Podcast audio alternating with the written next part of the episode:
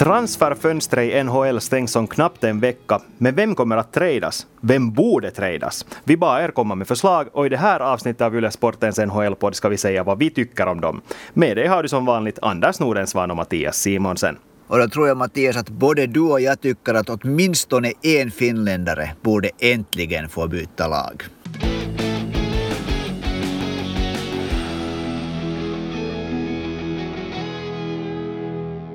Ja, vi bad er skicka in förslag på olika spelaraffärer och ni levererade minsann. Det var framförallt finska spelare ni tyckte att ska byta klubb och ett namn var populärast och det är kanske inte så överraskande att det är Rasmus Ristolainen. Det känns som att Ristolainen har varit trade-aktuell i flera år ändå. Buffalos kräftgång bara har fortsatt och då det bara ser ut att bli sämre så tycker flera av er att Ristolainen borde säljas. Såväl Daniel, Jonas som Sami skriver in att Ristolainen måste bort. Men vart? Eh, ett konkret och framförallt intressant förslag har vi fått av Kei Tio. Han föreslår en väldigt spännande trade. Rasmus Ristolainen till Florida i utbyte mot ett första val i draften och Markus Nutivaara. Och han vill veta vem som skulle säga nej till det här scenariot. Vad tror du Anders? Ja, alltså Rasmus Ristolainen, vi hör ju också du och jag till de som är överens om det att Rasmus Ristolainen borde få byta lag. Florida behöver en, ja nästan en, en första backen efter att Aaron Ekblad, deras ja nästan, man kan väl säga att han är nästan Norris Trophy-spelare den här säsongen. Han har varit superbra för Florida, är ute resten av säsongen efter en riktigt svår knäskada. Så de behöver nog i princip en back som kan fylla in där. Och Rasmus Ristolainen skulle på många sätt passa in han är det där, har många samma egenskaper som Aaron Ekblad. Så det där, han är kanske nu inte riktigt lika bra som Aaron Ekblad, men Rasmus Estland kan vara riktigt, riktigt bra om han kommer till en annan omgivning. Det här sen att Nutivara som, som det där, eh, ja som, som det där kanske inte riktigt har övertygat, men sen såklart en första pick från Florida. Ska vi säga att jag är överens om att Rasmus Ristolainen är intressant för Florida. Jag är inte säker på om det här paketet tillbaka är, är intressant för Buffalo. Jag tror tvärtom att det här paketet tillbaka är väldigt intressant för Buffalo. Inte nödvändigtvis Nutivara, han är kanske en back som nu eh, har kapacitet att ersätta Ristolan i den spelande uppsättningen direkt. Men framförallt det här första valet tror jag att de absolut skulle ta emot om någon skulle erbjuda ett första val för Ristolanen just nu. För eh, grejen är att om man tittar på de här olika tradebait-listorna så verkar det råda konsensus i Nordamerika om att ristolen inte så, verkar inte vara eftertraktad längre. Trots att det tidigare år har varit så att han alltid har funnits med på de här listorna, ganska högt rankad dessutom, i och med att han ändå är en back som kan spela väldigt många minuter på isen, gör väl ifrån sig också i ett väldigt dåligt lag som Buffalo är. Så därför tror jag att ett första val skulle vara någonting som de, de verkligen skulle ta emot för honom. Och inte minst av Florida, trots att de nu är ett lag som kan gå långt i och Det här valet i, första, i den första omgången kan bli ganska sent.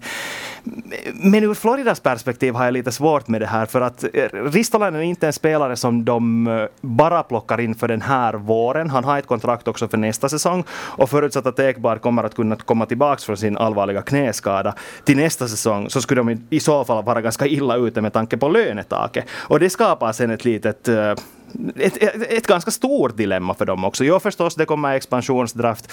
Seattle kan välja någon dyr spelare av dem om de väljer att inte skydda någon som de, de kan tänka sig bli av med och så. Men jag har lite svårt med att, att se längre än den här våren. För eh, en nödlösning skulle Ristolen absolut vara, men i och med att han har det där kontraktet som är längre än bara den här säsongen. Så det dels jag höjer på hans marknadsvärde, det gör att man borde betala mera för honom och därför tycker jag att ett första val för en sån spelare just nu är kanske lite att ta i ändå. Att kanske istället, för ur Floridas perspektiv, satsa på någon back som bara skulle vara den här våren och betala ett... Ja, alltså priset beror ju sen på vad de själv tror om sina chanser i vår, men ja, alltså just Ristolainen har jag lite svårt med att, att se att, att Florida skulle vara intresserad av. Nå, se du, här tycker jag ju nu lite olika.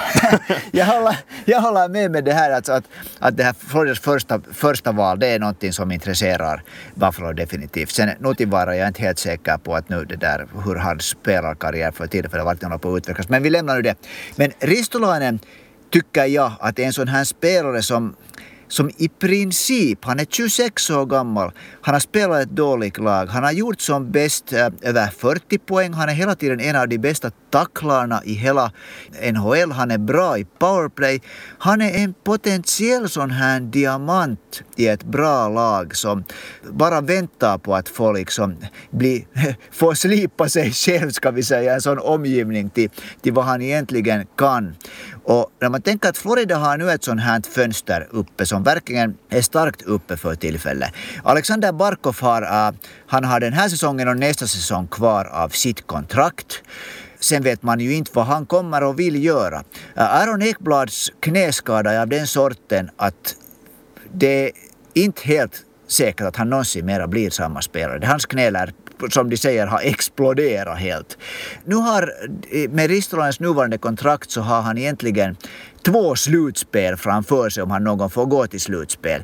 Så, så det där, jag tycker egentligen att Ristolainen är en sån här att om de vill gå nu så han är den typens back de, de skulle behöva för att kunna gå riktigt långt och de har faktiskt alla chanser att fast vinna Stanley Cup den här säsongen. Mm. Men om vi tittar på deras backtrupp just nu. Keith Jandel, Anton Strålman. Uh, Jandels lön är 6,3 miljoner, eller hans cap hit är 6,3 miljoner per säsong. Han har kontrakt fram till sommaren 2023. Anton Strålman, uh, cap hit på 5,5 miljoner, kontrakt fram till sommaren 2022. Alltså samma som Rasmus Ristolainen har. Och här måste man ju nästan säga att det är någon del av de här som får ryka i så fall om det är så att de plockar Definitivt. in, om de plockar in Ristolainen. Och det är inte nödvändigtvis en dum strategi. De här är båda 34 år gamla. Jandel förstås en ledare ledare i det där laget. Så i så fall skulle det kanske vara Strålman som sticker. Men vem tar emot honom med tanke på hans cap hit nästa sommar? Förutom då kanske Seattle som skulle kunna vara intresserade av honom. Men det känns också kanske lite osannolikt att plocka in någon sån där lite ålderstigen arbetshäst i bakleden. No, jag tycker ju att Jandel är helt klart den här som, som, om jag nu skulle vara GM, som jag också, jag tror också att Strålman kan vara lite svår att få med det här kontraktet att gå.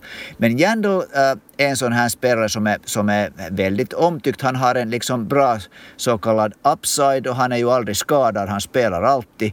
Så med tanken på, om man tänker nu på, okej okay, den här säsongen så skulle Ristolainen kunna komma in direkt och vara en del av den här backtruppen. Om man tänker framåt och Aron Ekblad kommer tillbaks så skulle jag då försöka bli av med Keith Jandel och tänka att, att Rasmus Ristolainen och Aaron Ekblad, där har vi en duo för de två första paren, liksom den här puckförande offensiva backar.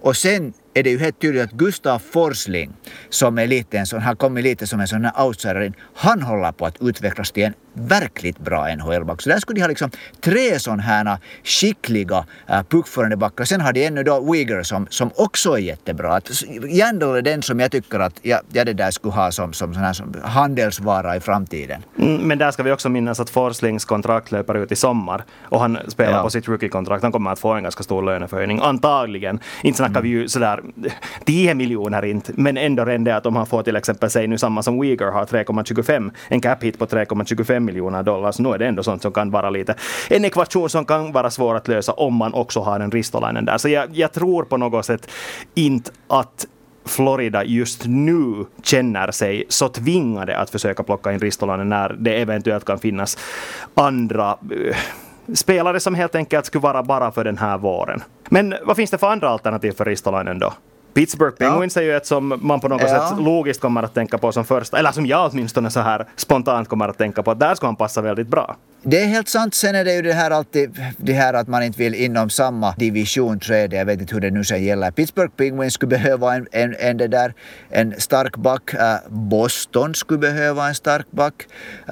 Sen finns det ju det där ett lag också i, i, det där i Manitoba i, i Kanada som definitivt skulle behöva en sån här profilback för att kunna liksom de har också, Winnipeg har ju också i princip många saker på riktigt bra för tillfället och där skulle det kunna nog eh, sitta med en, en sån här back av typ Rasmus Ristolainen eller någon annan av hans kvalitet.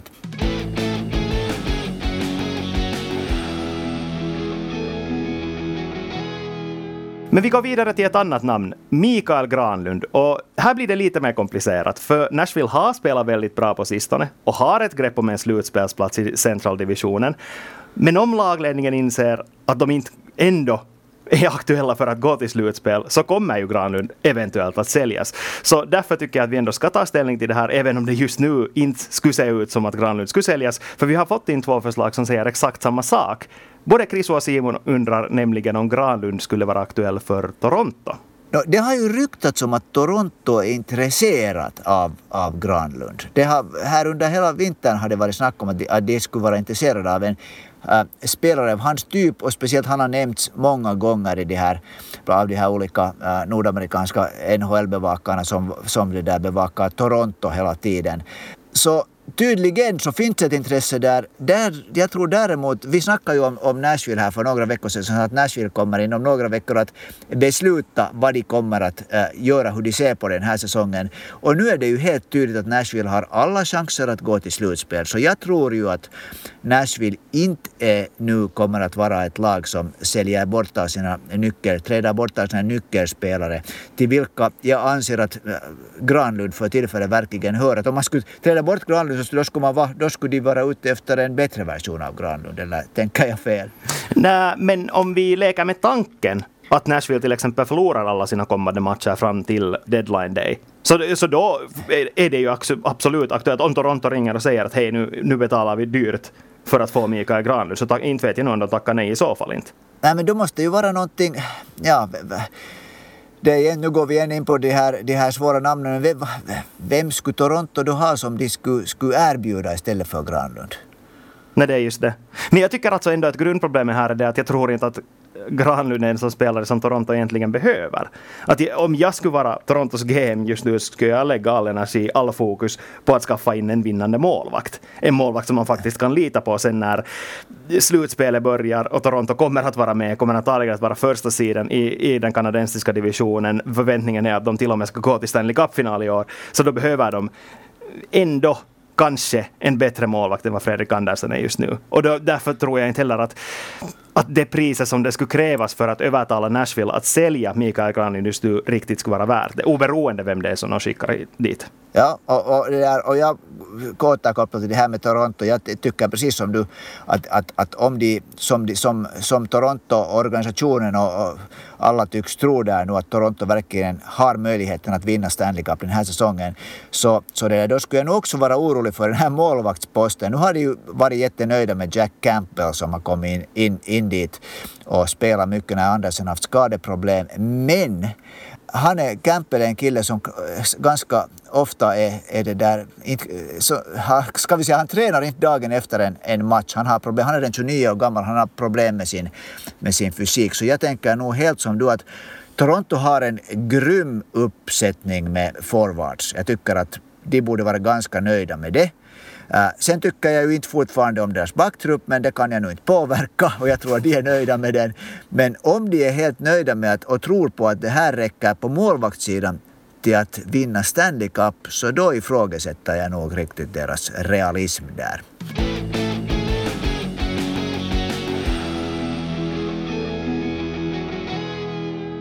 Men okej. Chriso tycker också att Patrick Laine borde tradas till Carolina. Och det här är ju intressant, för Carolina var ett lag som var intresserat av Laine då innan han tradades till Columbus. De skulle gärna vilja ha en forward av Laines kaliber. De har dessutom utrymme under lönetaket för att shoppa in honom och de har därför ryktats vara beredda på att göra en stor trade under de kommande dagarna. Men frågan är igen här, vem skulle de skicka till Columbus i det här scenariot? Ja, det har ju diskuterats om att där finns kanske någon av, de har ganska många bra backar, att där finns kanske någon back som skulle kunna lossa. Jag vet inte riktigt vilken den är. Jag tycker att Carolinas backtrupp eh, fungerar jättebra no, vem skulle det vara för sådana spelare som skulle... Alltså för det första, jo, Patrik Laine, det skulle vara härligt om han skulle komma bort från Columbus och få, få komma till ett lag som, som kanske skulle kunna utnyttja hans offensiva kvaliteter som man inte har sett på några veckor överhuvudtaget här. Men det där, vem skulle där då finnas? Jag kan tänka mig att Nino Niederreiter är en sån spelare som, som på något sätt passar in i det här Columbus tankesättet var med sånt stenhårt jobbande. Sen finns det ju av de här Warren Fogle och det där Jordan, Jordan Martinuk som säkert skulle vara sådana spelare också. Men jag på något sätt tror inte att, att uh, Carolina riktigt vill släppa sådana såna liksom såna här, hur ska man säga, kärnspelare borta. Nej, jag tror inte heller att de kommer att sälja några anfallare alls. Speciellt sådana som redan nu spelar en topp 6-roll. Uh, eh, Line skulle ju vara en lyxvara för Carolina. Mm. Uh, så de kommer ju inte att börja sälja en center till exempel, som är det som Columbus egentligen skulle vilja ha. No, just det. Och det verkar ju råda konsensus om det nu i Nordamerika att det är en back som Carolina kommer att sälja, oberoende hur, hur bra du tycker att deras backtrupp är, så är faktum det att de kommer inte att kunna skydda alla i sommarens expansionsdraft. De kommer antagligen att bli av med en ganska bra back där, så varför inte redan nu använda den här backen, vem det nu än skulle vara, som köpvara och sälja honom för att plocka in en ganska bra spelare. Och då är frågan kanske närmast att är det faktiskt Patrik Laine eller skulle det kunna vara något annat från ett sånt lag som kanske har ett större behov av en back? Och ett alternativ som jag här, om vi tittar på det här ur Carolinas perspektiv, så ett lag som jag kommer att tänka på är New Jersey Devils. Där var Kyle Palmieri ryktas vara i startgroparna alldeles ja. i dessa dagar. Palmieri som är en sån här spelare som man kanske hajar till lite när man hör hamnen säga att vänta nu, inte kan man ju riktigt säga att han är lika bra som Patrick Laine. Men det är faktiskt sant. Efter sen säsongen 2015-2016 så är det bara fem yt höger ytterforwards i NHL som har gjort mer mål än Palmieri. Han har faktiskt gjort överraskande mycket mål. Kolla upp den där faktan bara om ni vill. En målskytt faktiskt så jag tror att Carolina skulle ha stora nytta av. Och New Jersey är kanske ett sånt lag som skulle kunna nöja sig med att ta en, eh, en ganska bra back också i utbyte mot honom. Ja, till exempel, nu, nu är Jake Gardiner är ju för tillfället, han har skadeproblem. Han är ju en sån här back som, som har en ganska sån här hög uppsida så det, där, det skulle kunna vara något som är intressant för jag det håller definitivt med att Carl Palmieri när man ser hans statistik, jag blir överraskad av den verkligen. Så här är ju en kille som många lag skulle vara intresserat, intresserade av och speciellt ett lag som, som det där siktar på att gå långt just nu. För det gör också Carolina och de kanske skulle behöva, han är ju en ganska sån här, hur ska man säga, han är en ganska tuff spelare, Karl Permier, men Det skulle, han skulle sitta nog bra in dit nu i kanske de behoven som Carolina har för tillfället. Mm, och vi, vi ska ännu understryka här att det är faktiskt något som det snappas, snackas väldigt öppet om i USA just nu, att Carolina kommer att vara aktiva nu inför trade deadline och för, framförallt vara ute efter en stor fisk i anfallsväg. Ja, de är ju oroliga för, för Teo Teräväinens det där. Det, för han, han skulle ju definitivt behövas där och det, han tycks ha långa, långa problem med sin hjärnskakning. Han tycks inte kunna riktigt komma tillbaka. Får jag ännu säga det om att det där om Patrik Laine, att, att det att Patrik Laine nu skulle trädas bort nu, så det skulle ju på ett sätt ja, då skulle Jarmo Kekäläinen säga öppet att, hej, att jag har misslyckats och jag vet inte om, om Kekäläinen riktigt är den killen som gör sånt. Nej, men, och när vi är inne på Line så måste vi faktiskt ändå, trots att du säger sådär, ta ställning till ett konkret förslag som vi har fått in av Keijo. Han tycker att det här är en trade som skulle kunna fungera. Patrik Laine, Elvis Merslikins och Alexander Texier i utbyte mot Jack Eichel. ja, det, sk, det där... äh, ja, det där... Alltså, Jack Eichel är en spelare som jag tycker att, att har attitydproblem äh, textat på sin panna. Och om Jack Eichel skulle hamna i Columbus så tror jag att han skulle vara den, en av de mest omotiverade spelarna i NHL. Så jag förstår inte riktigt. Jag förstår det här på ett sätt, förstår jag det. Men det där, den som tänker att okej okay, att vi tar in Jack Eichel till Columbus och får honom att spela här så det där, eh, det ifrågasätter jag. Nej, alltså på pappret ser det här ju egentligen ganska vettigt ut. Om man tittar bara på de här spelarna och deras marknadsvärde just nu. Och jag menar, tänk, för det första, om jag tänker ur Columbus perspektiv. Här skulle de få den här stora kärncentern som jag kanske kan ha lite motivationsproblem, kanske kan ha lite samma, eh, ska vi säga, beteendehistoria som en viss annan center som de gjorde av sig med här inför, eller i början av säsongen. Snackar Pierre-Luc Dubois. Men ändå är ju Jack Eichel den kaliberns center som man inte riktigt tackar nej till. Samtidigt har du en Patrik Laine som inte har presterat på topp. Du har en mm, över loppsmålvakt i Elvis Merslikin som du kan tänka dig göra det av med. Och sen Alexander Texier som blir en liten bonus för Buffalo att de får in en, en till center. Så visst, det här är logiskt på jättemånga sätt men samtidigt så jag, jag, vet inte heller om det här på, på, riktigt är någonting som skulle gynna någon där. Om Buffalo faktiskt skulle göra någonting med Patrick Line heller. För de skulle ju också i så fall sen efter det behöva en center. Eller vem vet? Kanske i det här scenariot skulle de kanske kunna tänka att de låter Line gå vart han än sticker på sommaren och plockar in de här äh, draftvalen som de får i ersättning för att någon annan signar honom som restricted free agent. Så vem vet? Det måste vi ändå kommentera ännu om det här paketet. Jag tror ju att, att den målvakten som får sticka från Columbus nog är Jonas Korpisalo och inte Elvis Merslikens.